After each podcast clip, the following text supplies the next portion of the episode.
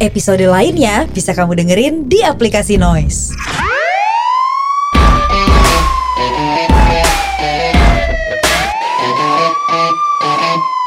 Kembali lagi di konten musuh masyarakat bersama saya Tretan Muslim dan Coki air air air deril musuh masyarakat Coki punya julukan baru Coki kemarin di Twitter menegaskan kalau dia menjadi deril musuh masyarakat Coki banjir Coki banjir nanti masih tertawa Coki Lo enggak, gue tertawa ngeliat gestur lo. Oh. Saya tertawa ngeliat gestur. Enggak enggak saya diem doang padahal Enggak, tapi menurut gue ya, eh, karena lo udah bawa nih masalah tweet-tweet kemarin.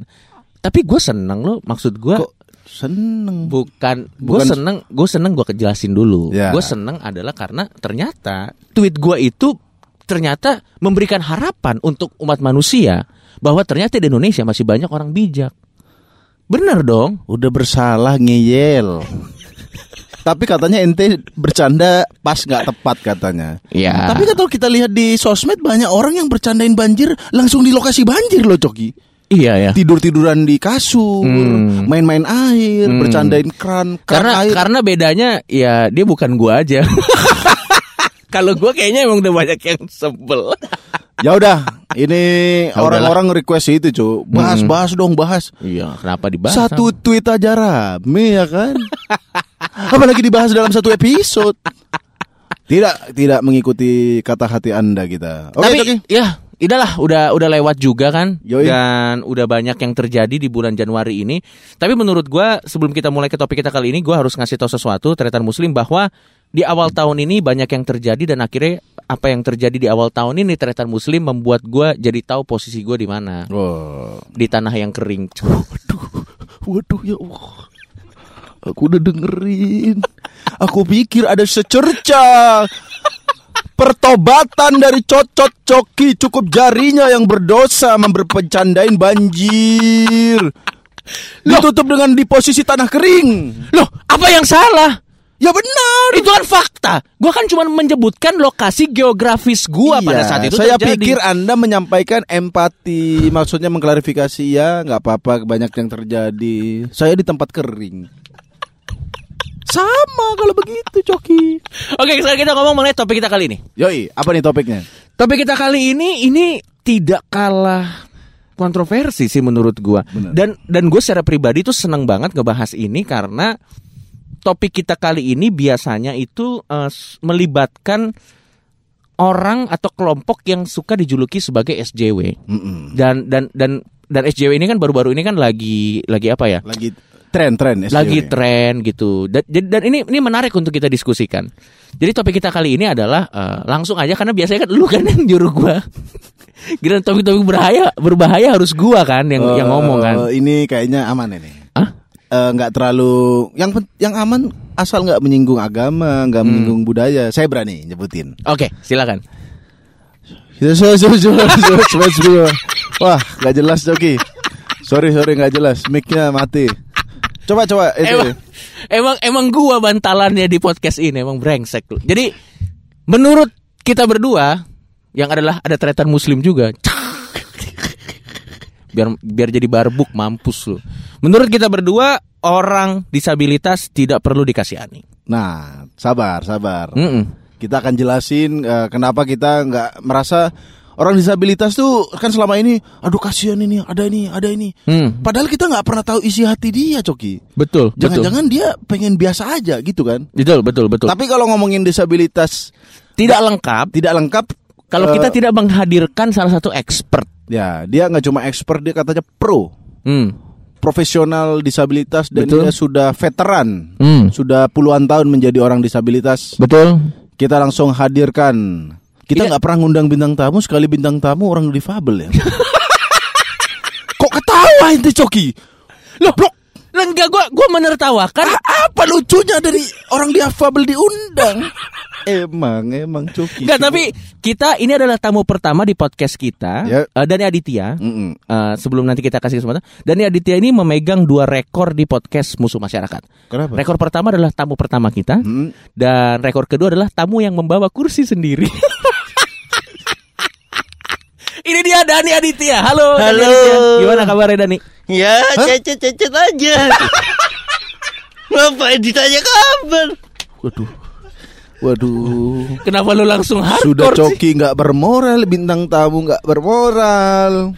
Jangan langsung Kenapa bahasa bahasanya ke anak cecet mesti apa kabar? Oh, iya sehat, benar. sehat. Benar juga sih. Berarti Dani tidak senang ditanya apa kabar? Eh, itu tuh kayak pertanyaan pertanyaan yang udah jelas jawabannya gitu. Kalau mau bahasa lu bukan masalahin bahasa basinya kan, Hmm. tapi kenapa pertanyaannya sesuatu yang Anda sudah bisa lihat dong, gitu. Kayak korban banjir ditanya, basah nggak rumahnya? Iya iya. Enggak maksud gue itu pertanyaannya kayak kayak ini yang ada wartawan inget nggak lo? Oh. Yang rumah rumah orang Ya, kebakaran. gimana suasana eh, keluarga? Sepertinya hingar-bingar dan bahagia. Padahal udah jelas ya. Jadi Dani tidak tidak suka ditanya Mungkin Eh, bukan tidak suka, aneh aja. aneh aja. terlalu basa-basi ya. aja. Heeh, heeh. Jadi apa? Kayak dan ini gimana keadaannya masih cacat lah. Oh iya Itu- iya. Itu lebih to the point ya To the gitu point. ya. Iya benar juga sih. Hmm, bener kan kita nggak harus ngasihani orang difabel. Maaf, kita ngomong sama fakta. Kita hadirkan langsung orang difabelnya biar Anda tahu kenapa orang difabel Nyebelin banget emang Dani. tidak perlu dikasihani. Tapi Dani, ini kan ya, topik kita kali ini adalah topik yang mungkin akan jadi pembicaraan yang hangat. Kita mulai dari pertanyaan ini aja Dan. Tadi kan gue sama Muslim bilang difabel, difabel, difabel, difabel.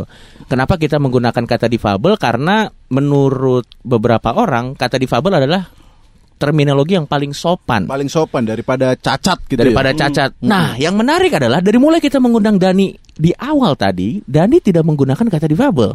Kenapa? Dani langsung menggunakan kata cacat.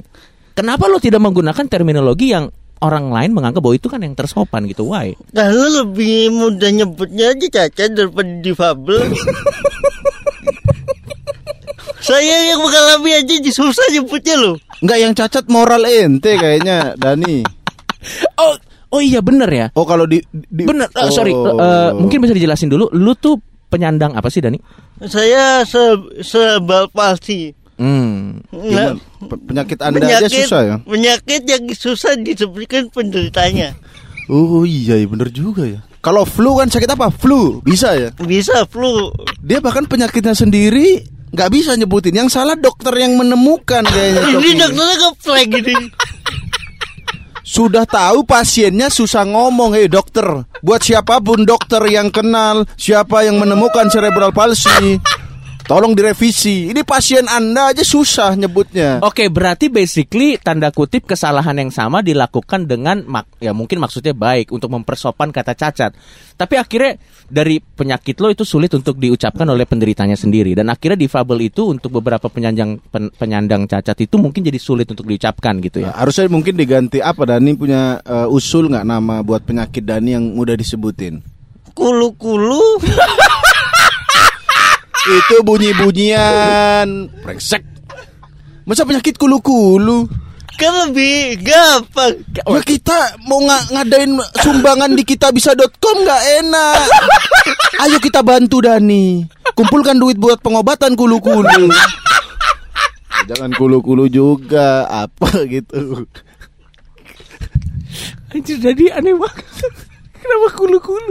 Enggak kenapa dia terbersit kulu-kulu. Tapi memang secara disebut lebih gampang Lebih sih. Gampang ya. ya. Iya, kulu-kulu sih. cerebral palsy agak susah. Heeh. Orang normal aja agak susah Coki. Oke, tapi kita lihat dulu definisi definisi dari eh, disabilitas itu sendiri ya. Ya. Eh, ini kita ini sebenarnya wadaw banget di depan kita ada orang disabilitas, tapi kita tetap mengacu kepada Wikipedia Mm-mm, Definisi difabel. daripada Nanti kita cocokin Coki. Iya. Wikipedia. Coba gue akan nyebutin definisi disabilitas menurut Wikipedia, terus menurut lo bener atau enggak? Sebagai penderitanya, kan nggak ada jawaban itu. Oh, Masa orang difabel suruh klarifikasi keadaannya Coki?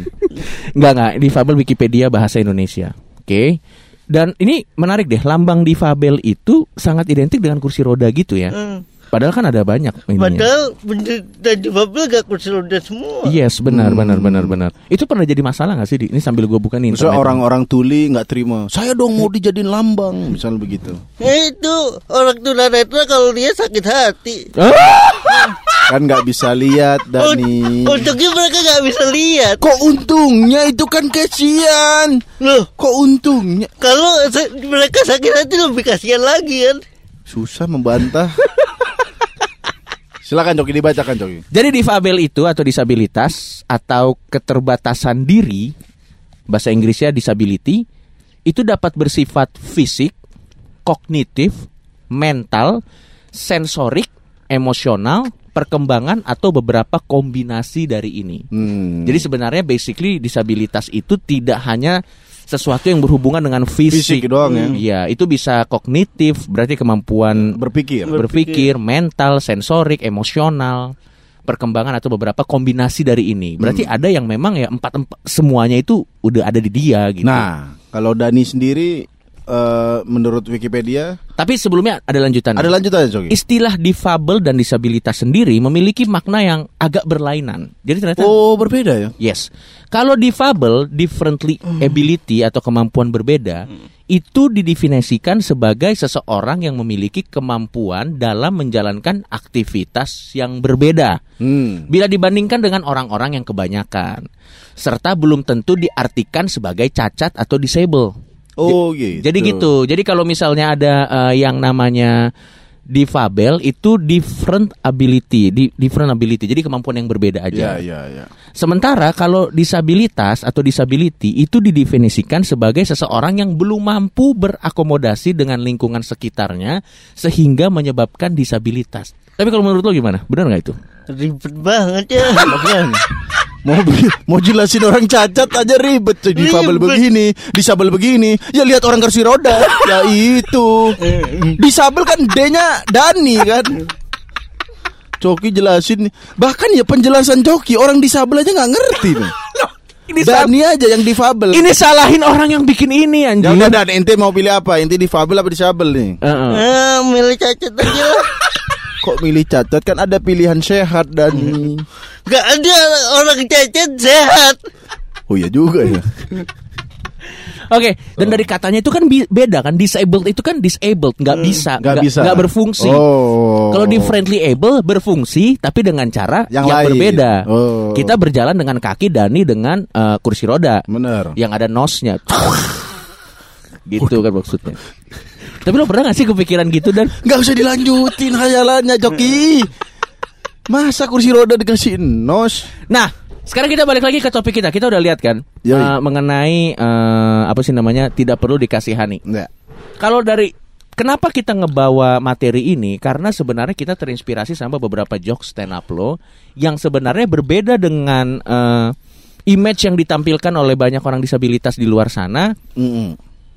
Kalau lu tuh malah kayaknya melawan stereotip bahwa kayaknya lu tidak perlu dikasihani sebagai orang yang keterbatasan fisik. Nah, kenapa tuh? Karena kalau dipandang kasihan orang miskin lebih kasihan. Bener juga. Bener ya, bener ya. Orang miskin lebih kasihan dari difabel ya? Karena karena eh, disabilitas dan kemiskinan itu tidak selalu identik kan. Benar. Tapi di luar sana faktanya itu identik gitu. Jadi ngerti kalau difabel tapi kaya, nggak perlu dikasihani. Nggak perlu. Benar benar benar benar. Duitnya udah banyak. Iya, betul. Lebih kasihan mereka yang miskin. Betul betul. Karena orang miskin walaupun sehat tapi tidak bisa melakukan banyak hal. Dia jadinya disabled. Orang miskin nggak bisa nonton bioskop bukan karena buta, Bukan. ekonominya yang buta. Oh. Dani lu punya poin banget sih Dan. Karena kalau di approach dari rasa kasihan, Mm-mm. ada ada lebih banyak yang bisa dikasihani. Karena kan Benar, benar. orang cacat dan orang miskin itu bukan sebanding. Tapi kenapa kira-kira itu jadi identik ya Dan? Ah, karena orang-orang gembel yang pura-pura cacat itu. Tapi dia ngomong apa adanya loh, Slim.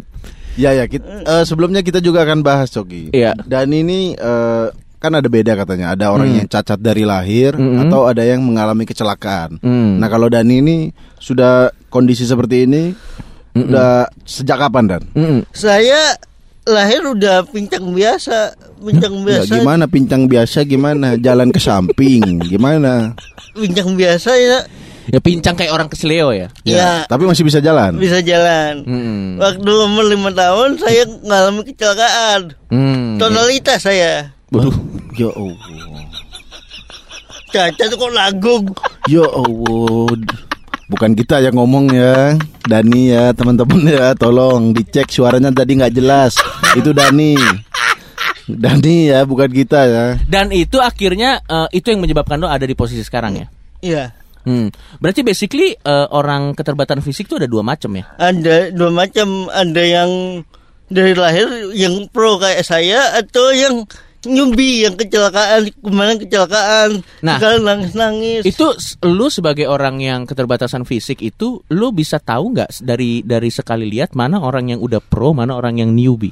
Eh, biasanya orang pro lebih kuat sih Oh, I see. Dalam dalam menghadapi hidupnya. Eh, Oh. karena Tampangnya udah nggak nggak murung lagi. gitu. dia lahir udah Oh, itu itu bisa Tapi dilihat ini dari ini situ ya. beneran, ini beneran kayak gitu. iya Hmm. Kalau dia mungkin baru kehilangan kakinya setahun yang lalu mungkin masih murung. Oke. Dani mungkin setahun dua tahun awal mungkin masih sedih-sedih. Oh iya, gue berat. Kalau lu kan sebenarnya cukup unik karena lu adalah kombinasi dari keduanya. Udah jatuh ketimpa tangga. Ketimpa tangga kena chat, diomelin mandor, ente. Nah, Semua. lu kan lu kombinasi yang cukup unik dan karena lu sebenarnya eh, hybrid dari keduanya kan. bro. Lu bener gua nggak bohong. bro. bukan mobil, bro, kok hybrid. Ya Allah, Nah. Coki. Da- da- dan dan akhirnya eh, lu itu lu lu ngerasa nggak itu memberikan ke- keunggulan tertentu di lu pada saat lu eh, apa lu jadi bisa memahami orang yang newbie atau gimana gitu? pertamanya sih ngeluh ngeluh yang ada ngeluh sama Tuhan Tuhan kenapa sih aku diberi kayak gini bercanda aja Tuhan ini Mm. tapi tapi makin kelamaan waktu makin terbiasa makin terbiasa banyak orang yang kasihan menganggap juga ya orang kasihan itu Tapi bisa dimanfaatkan Iya iya. dulu eh, awal-awal cacat atau pas sekolah dibully nggak dulu? Dulu. Sekolahnya berarti di SLB dulu. dulu saya sempat di SLB Hmm. Tapi waktu kelas 2 saya diminta suruh pindah ke sekolah normal soalnya waktu SLB saya membuli anak cacat lain. Gimana gimana ente difabel moral apa gimana? Ente sekolah di SLB dikeluarin karena ngebully anak cacat. Ente pas ke sekolah nggak lihat kaca apa gimana? Ente kan juga di kursi roda kenapa ente membuli orang cacat? Gimana? SLB itu udah khusus ente. Ente harusnya sadar. Kenapa saya di sekolahin di SLB? Karena ente berbeda Dani. Ente ada difabelnya. Kenapa ente membuli orang yang difabel juga? Kita kan kalau kita semuanya seragam, semuanya sama, difabel semua, kita merasa lebih beruntung daripada anak cacat lain gitu loh. Iya, saya iya, waktu iya, itu iya, iya, merasa iya, lebih iya. beruntung daripada teman-teman saya yang buta. Oke oke oke. Karena iya ya karena teman-teman yang lebih parah. Oke oke oke dan itu rasa beruntung itu dan akhirnya eh, pembulian itu baru mulai saat lu masuk ke sekolah yang normal. Hmm. Hmm. Dibilang dasar pincang, sekolah aja di di SLB. Nah, saya dikeluarin. saya dikeluarin. Dari lucu banget. Di, di normal dibully, di SLB membuli. Se- sejak itu saya percaya karma itu ada. Jadi akhirnya sampai berapa? Jadi akhirnya eh, itu lo kecelakaan dan setelah kecelakaan berapa tahun lo akhirnya bisa berdamai dengan keadaan lo? Ya sorry, orang tua pada saat tahu Dani dibully itu dia sedih nggak orang tua? Hmm. Eh pasti pastinya sedih tapi sama orang tua gimana sih cara supaya saya jadi kuat? Hmm. Akhirnya mama saya punya ide dengan cara membuli saya. Emang anda sekeluarga ya ada masalah sepertinya ya. Jadi gini, konsep keluarga itu Dani, apabila anaknya sedih, dibully di sekolah, kenapa di rumah dibully biar kuat? Bukan begitu caranya. Tapi itu berhasil. Itu Gi- works nggak? Berhasil. Gimana buliannya? Eh kayak waktu saya kalau kalau jalan lama gitu diseret aja gitu. Diseret. Loh, Itu mami, mami ya, mama apa apa yang begitu? dua-duanya. Dua-duanya. itu mami ente geng Nero apa gimana? So, Kok so- diseret anak? So- soalnya prinsip kedua orang tua saya itu waktu saya kecil kita nggak bisa menghindari orang yang ngata-ngatain kita, ngelihat kita berbeda, Oh. kita. Jadi harus kita yang dikuatkan. Oh. Oke oke berarti oh gila tapi itu cara Sparta banget bro. Jadi orang yang lahir di lingkungan yang berat itu akan keluar lebih tough. Jadi cara mendidik orang tua Tough dan love ini ini sebenarnya tough love aja, tough love. meskipun terdengar kejam, Mm-mm, tapi, itu justru dibiasakan, membentuk ya. membentuk, membentuk. Dikat, di, dikatain nggak sama orang tua? Anak cacat, anak siapa lu? Anak lu dong. Tapi dari itu works, itu merasa itu works. Merasa Itu itu work. works. Dubok banget. sorry sorry. Hmm. Tapi eh, itu yang bisa melakukan begitu mungkin hanya orang tua, Coki. Kita tidak bisa di jalanan begitu dong. Iya tidak bisa, tidak bisa. Aku melihat orang buta, aku ingin menguatkannya. Iya iya. Mbak, satu tambah satu berapa? Lihat jari saya. Gak bisa begitu ya, harus bisa orang begitu. tuanya. Ya? bisa. Oke, nah, oke, lo punya background dari uh, yang cukup unik dan lo dibesarkan oleh orang tua lo dengan cara yang cukup unik juga, sampai akhirnya lo bisa menjadi kuat untuk berdamai dengan keadaan lo. Dan menurut lo itu caranya manjur. Makanya kita balik lagi ke topik kita Ya. mengenai rasa kasihan.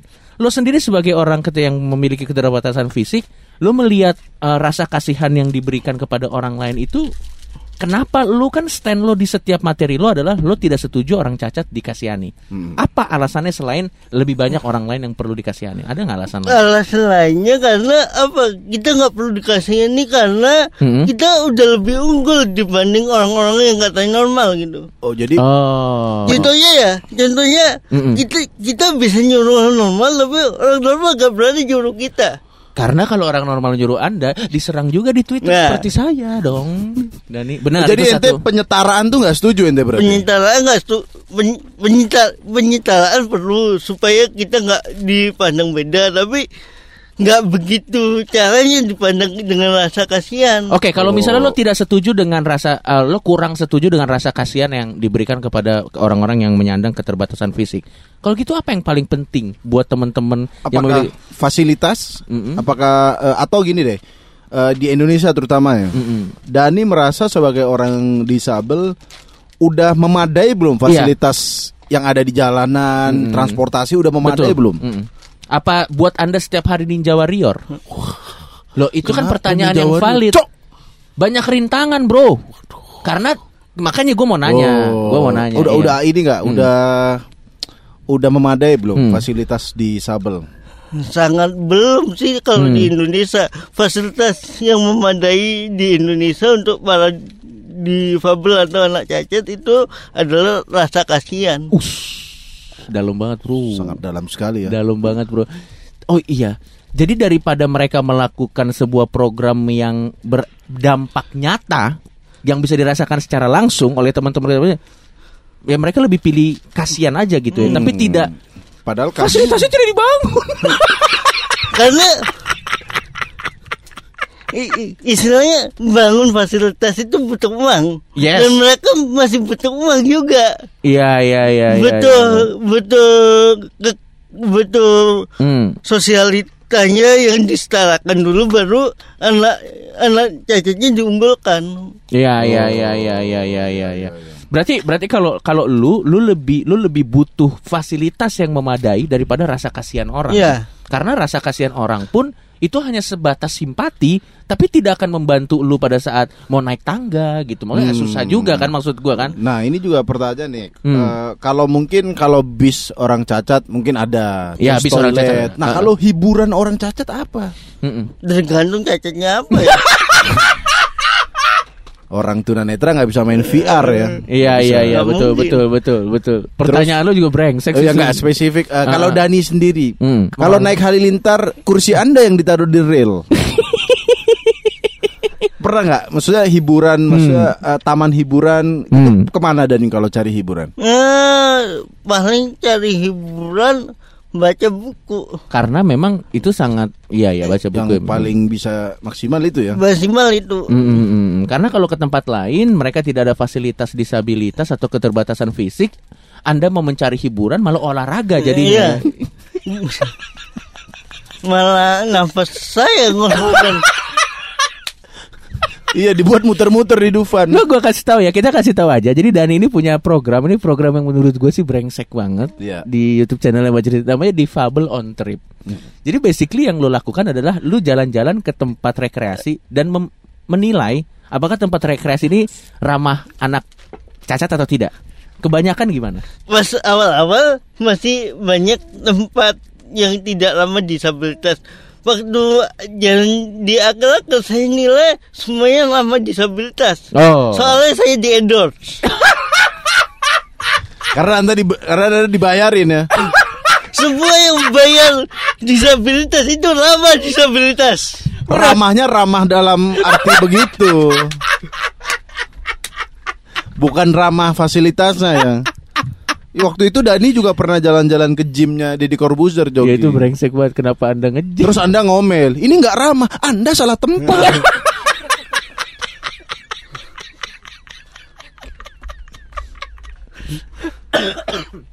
Tapi tapi men- tapi betul. Tapi gue setuju sama apa yang Dani bilang bahwa kalau rasa kasihan ada banyak orang lain yang perlu dikasihani. Karena ternyata dari statistik tadi kita udah lihat di statistik. Jadi Dani tadi eh, tahun 2020 ada berapa jumlah orang cacat dan Sekitar 30 jutaan. ada sekitar 30 jutaan ya dan Hmm. 2020 kurang lebih 20 jutaan dan ternyata yang menarik dari 20 juta yang pengangguran berapa? Pak? Eh, menurut Kementerian Tenaga Kerja ini ada 414 ribu Mm-mm. pengangguran Coki. Dari 30 juta. Ya. Ini tamparan sekali untuk orang yang sehat tapi menganggur. Nah makanya kalau orang eh, orang difabel nganggur kita masih maklum ya. Mm-mm. Kalau anda S1 Mm. tapi nganggur, Betul. lebih baik anda menemani Dani. Betul. Apalagi apalagi ada orang ada orang difabel yang bekerja lebih tamparan Wow. lagi untuk orang yang sehat tapi menganggur. Betul. Seperti Dani ini. Mm-mm. Anda Dani kan stand up komedian kerjaannya. dan dia juga banyak eh, buka lo seminar gitu kan ke Seminar-seminar. Motivasi, motivasi. Oh itu akan kita bahas. Mm-mm. Bagaimana orang difabel memotivasi orang difabel. Mm. Nanti kita akan bahas. Loh iya dong. Tapi Dani ini Dani kan maksudnya orang difabel punya kerjaan Coki. Iya, Anda betul. datang aja ke yang makanya dia sangat ada di posisi yang valid lo tidak merasa harus dikasihani gitu kan dan sebenarnya kan Anda datang aja ke job fair ya kan. Mm-mm. Orang-orang lamar kerja tuh. Ah, lu normal nganggur. Saya difabel punya kerja. Makanya difabel dong, dapat jatah PNS. Ya nggak begitu solusinya. kan dia udah lamar kerja, kenapa suruh difabel? Jatah difabel ini. Ya kalau orang di job fair dia nggak punya kerjaan. Kalau suruh difabel dia udah nganggur, cacat lagi. Tapi kan dapat jatah PNS. setidaknya setidaknya ada jatah Peluang. iya ada keniscayaan kan Hmm. gitu slim ada Ya mending kerja dong daripada harus cacat dan dapat jatah. Oke, Dani, Eh. kita akan bahas Dani sebagai orang seorang motivasi. Katanya Dani Hmm. ini juga eh, sering ke apa yayasan-yayasan yang difabel Oke. motivasi orang tadi. Mm-mm. Iya. Biasanya nanya apa sih Dan? Mm. Eh, anu caranya meng- menghadapi hidup itu. Bia- Uh, biasa- berat banget ternyata biasanya sedih gitu. Hmm. Mas Dani gimana saya menjalani hidup dengan jari-jari saya yang hilang satu. ya Allah. Ya Allah. Coba dimulai dua hilang. Sedihnya bukan main. Cuma jempol hilang menanyakan bagaimana cara menjalani hidup kepada orang yang jalan kakinya hilang. Kejam yang nanya itu Dani ya. itu anda yakin dia bertanya bukan sarkasme Bukan kan? Ya, saya jawabnya itu kalau kamu cari kerja jangan di kerjaannya memberikan absen pakai sidik jari. Solusi solusi Anda benar sih. Oh iya ya, benar juga ya. oke Yang dari sidik jari jempol nggak bisa berarti Nggak orang bisa. kerja di Tapi situ ya. sebenarnya yang lo lihat apa sih yang mereka butuhkan? Kenapa mereka datang? Mereka tuh itu eh, dapat. Nah, untuk orang-orang seperti itu rasa kasihan itu memperburuk depresi mereka atau lebih membuat Nah ini ini itu poin gimana? poin poin Nah, penting nih lo kayak Coki. Biasanya rasa kasihan itu membuat orang-orang disabilitas malah sulit di pergaulan.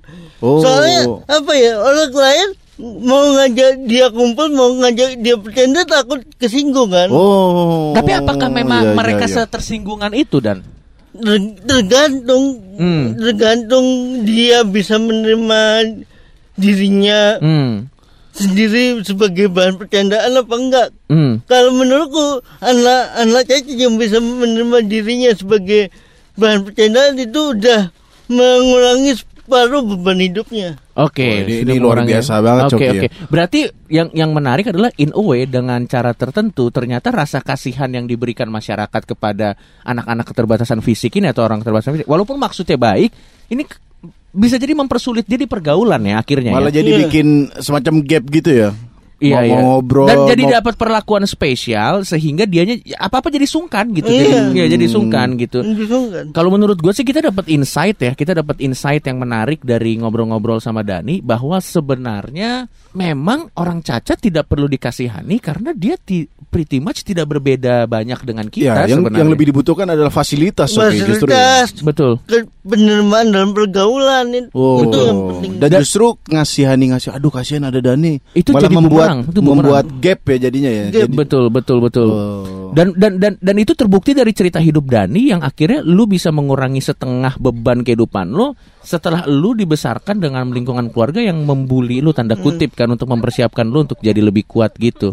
Nah, oke, sekarang kita masuk ke masalah lu nih dan ini ini pertanyaan di luar konteks dari di luar konteks dari topik kita sih. Tapi gue penasaran aja dan lu pernah ikut coba penyembuhan penyembuhan alternatif yang di luar dari medis nggak sih? Nah, Misalnya penyembuhan orang Kristen, atau penyembuhan pakai cara-cara agama tuh dan. atau rukia Iya. atau misalnya eh, dibaptis di Sungai Yordan, dihanyutkan di Sungai Gangga misalnya. Itu pengobatan apa, Bro? Dihanyutkan di sungai Gangga, Bro. Bukan iya pengobatan dia mau bunuh Dani. Nggak, tapi intinya lo pernah coba alternatif nggak? sering Hmm, apa yang terabsurd yang pernah lo alami? yang terabsurd adalah saya suruh menyediakan seekor kambing Mm-mm. nanti penyakit saya ditransfer ke kambingnya Gimana gimana? Ada Dani suruh menyediakan kambing. Ya. Nanti cerebral palsinya dipindah ke kambing. Ser nggak Begitu? ini lo, lo Ini- ini serius kan? Ini beneran kan? beneran Terus beneran beli kambing? enggak saya Untung masih waras Anda yang ada sedikit kewarasan di diri Anda. Meskipun moral sudah tipis, ada ada waras. Kenapa? Iya, iya, Anda nggak percaya kenapa? itu? Kenapa? soalnya kalau penyakit saya dipindah ke kambing kasih kambingnya nggak ada fisioterapi apa dokter yang mau mengobati kambing cerebral palsi Betul. Dan nggak dapat tunjangan ya. Dan nggak dapat- dan menurut gua ya itu adalah cara penyembuhan tidak bertanggung jawab, Bro. Memang dia sembuh. Nasib kambingnya Bener itu kan maksud lo kan? Begitu Iya, iya. penyakit itu ditransfer ke kambing itu, hidupnya hancur sebagai Binatang kambing. lain nggak bisa, perkutut, biawak, kata kata dukunnya dulu kau harus kambing harus kambing. Oke. Itu akal-akalan dukunnya aja mau makan sate kambing aja. Ntar kalau penye- penyembuhan agama-agama belum udah pernah coba belum? Ben- pernah ke penyembuhan agama Kristen Mhm. Oh, ya penyembuhan agama kisan yang ini ya. Eh, oh iya ada yang setiap hari Minggu. Iya. Mm, mm, mm. Ke agama-agama lain juga pernah? pernah Mhm. ke ke ustadz ustadz Ya ya ya. ya. dibacain doa terus disuruh minum air putih alhamdulillah saya nggak sembuh tapi gi- ginjal saya sehat Berarti mengobati tubuh Anda dengan cara yang lain. ginjal saya Yang Yang sembuh organ lain masalah. Maaf Pak Ustadz, kan kaki saya.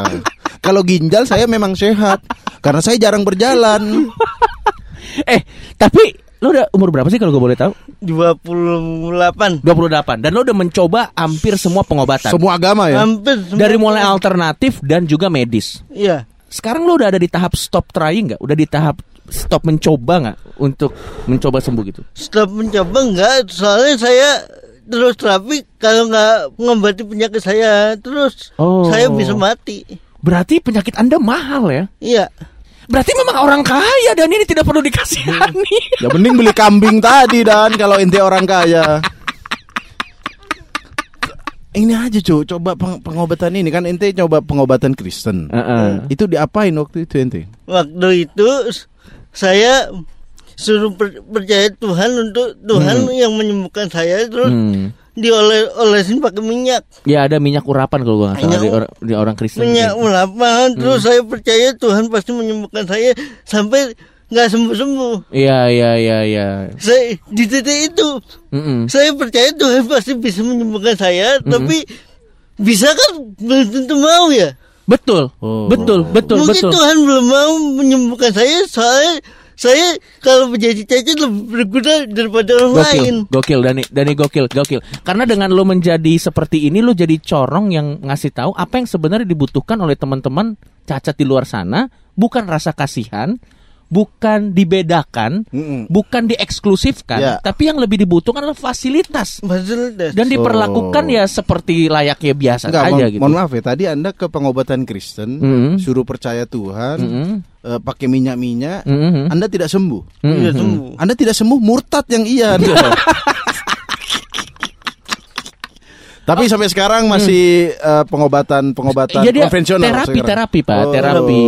Jadi makanya menurut gue emang penyakitnya mahal. Dani sampai sekarang masih bisa survive. Ya memang ya Dani secara ekonomi ya dia manage Iya dan salah gitu. satunya mental untuk terus hidup terus berkarya itu Dan menurut gue sih yang paling mind blowing ya, yang paling mind blowing dari percakapan kita Dani dan dari gua dan dari Tata Muslim juga adalah ternyata rasa kasihan itu malah bisa jadi salah satu sumber masalah baru ya untuk teman-teman kita yang disabilitas sehingga itu membuat mereka jadi lebih sulit di pergaulan gitu. Iya. Betul betul. Kalau rasa kasihan itu dimiliki sama orang yang tidak kenal, jadinya kita untung.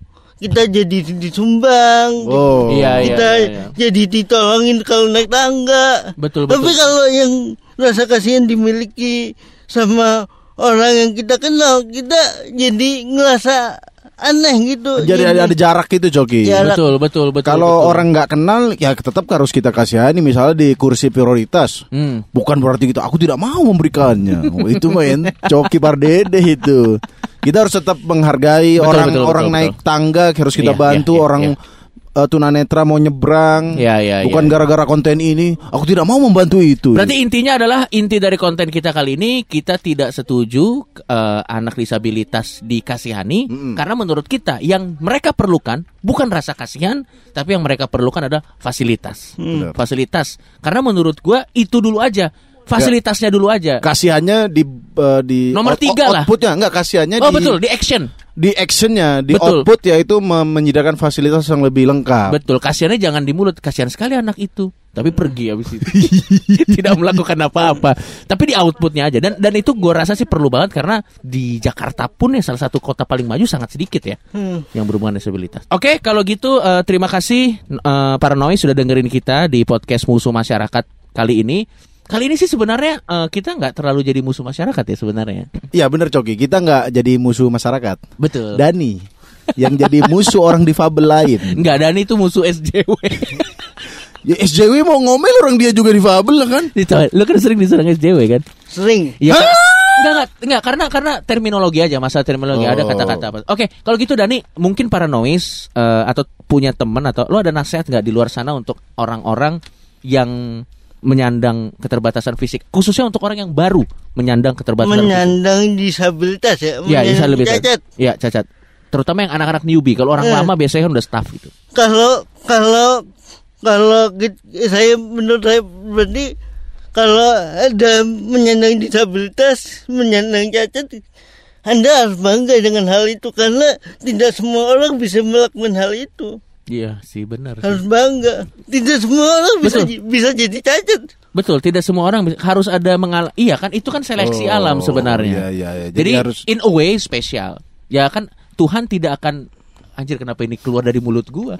Tuhan tidak akan memberikan ujian kalau dia tidak yakin hambanya bisa melewati. Coki bijak. Jadi sebenarnya orang-orang yang disabilitas ada Dani sampai tepuk tangan loh meskipun susah tangannya keplak-keplak cetak-cetak loh. Dani yang cerebral palsy mendengar Coki bijak mengusahakan tangannya ceplak-ceplak tapi kalau saya begini kan cok kalau Dani tulang ketemu tulang tak tok tak tok Oke kalau gitu terima kasih banyak Dani Aditya udah menyempatkan waktunya datang ke sini. Thank you banget Dani tetap jadi corong untuk eh, menjadi menginspirasi ya menginspirasi dan menurut gue yang gue suka dari Dani ini adalah dia memberikan pandangan baru yang apa adanya tentang apa yang sebenarnya terjadi dengan teman-teman kita yang disabilitas sehingga kita bisa tahu untuk menolong mereka apa tindakan yang tepat Yoi. yang harus kita lakukan. Oke, kalau gitu thank you Dani, thank you Tretan Muslim. Sampai ketemu lagi di topik-topik selanjutnya yang kita udah ada listnya sebenarnya. Boleh nggak kita bocorin? Nggak boleh ya? Nggak boleh. Komen aja. Silakan komen eh, kalian punya ide-ide apa Yes. yang eh, perlu kita bahas dan juga menurut kalian eh, tanggapan kalian tentang topik kali ini gimana? Silakan komen di bawah. Betul. Oke, dan sekali lagi jangan diupload ke YouTube. Bangsat. Tolong, jangan diupload ke YouTube. Kalau diupload ke YouTube Hmm? kita diserang ormas sekaligus LSM ya. Iya, ini serang semua udah udah banyak banget yang nyerang. Apalagi ada gua, ah dia lagi, dia lagi. Tenang ada Dani, ada Dani. Aman, dilindungin kita. Oke, kalau gitu sampai ketemu lagi di podcast musuh masyarakat selanjutnya. Bye bye.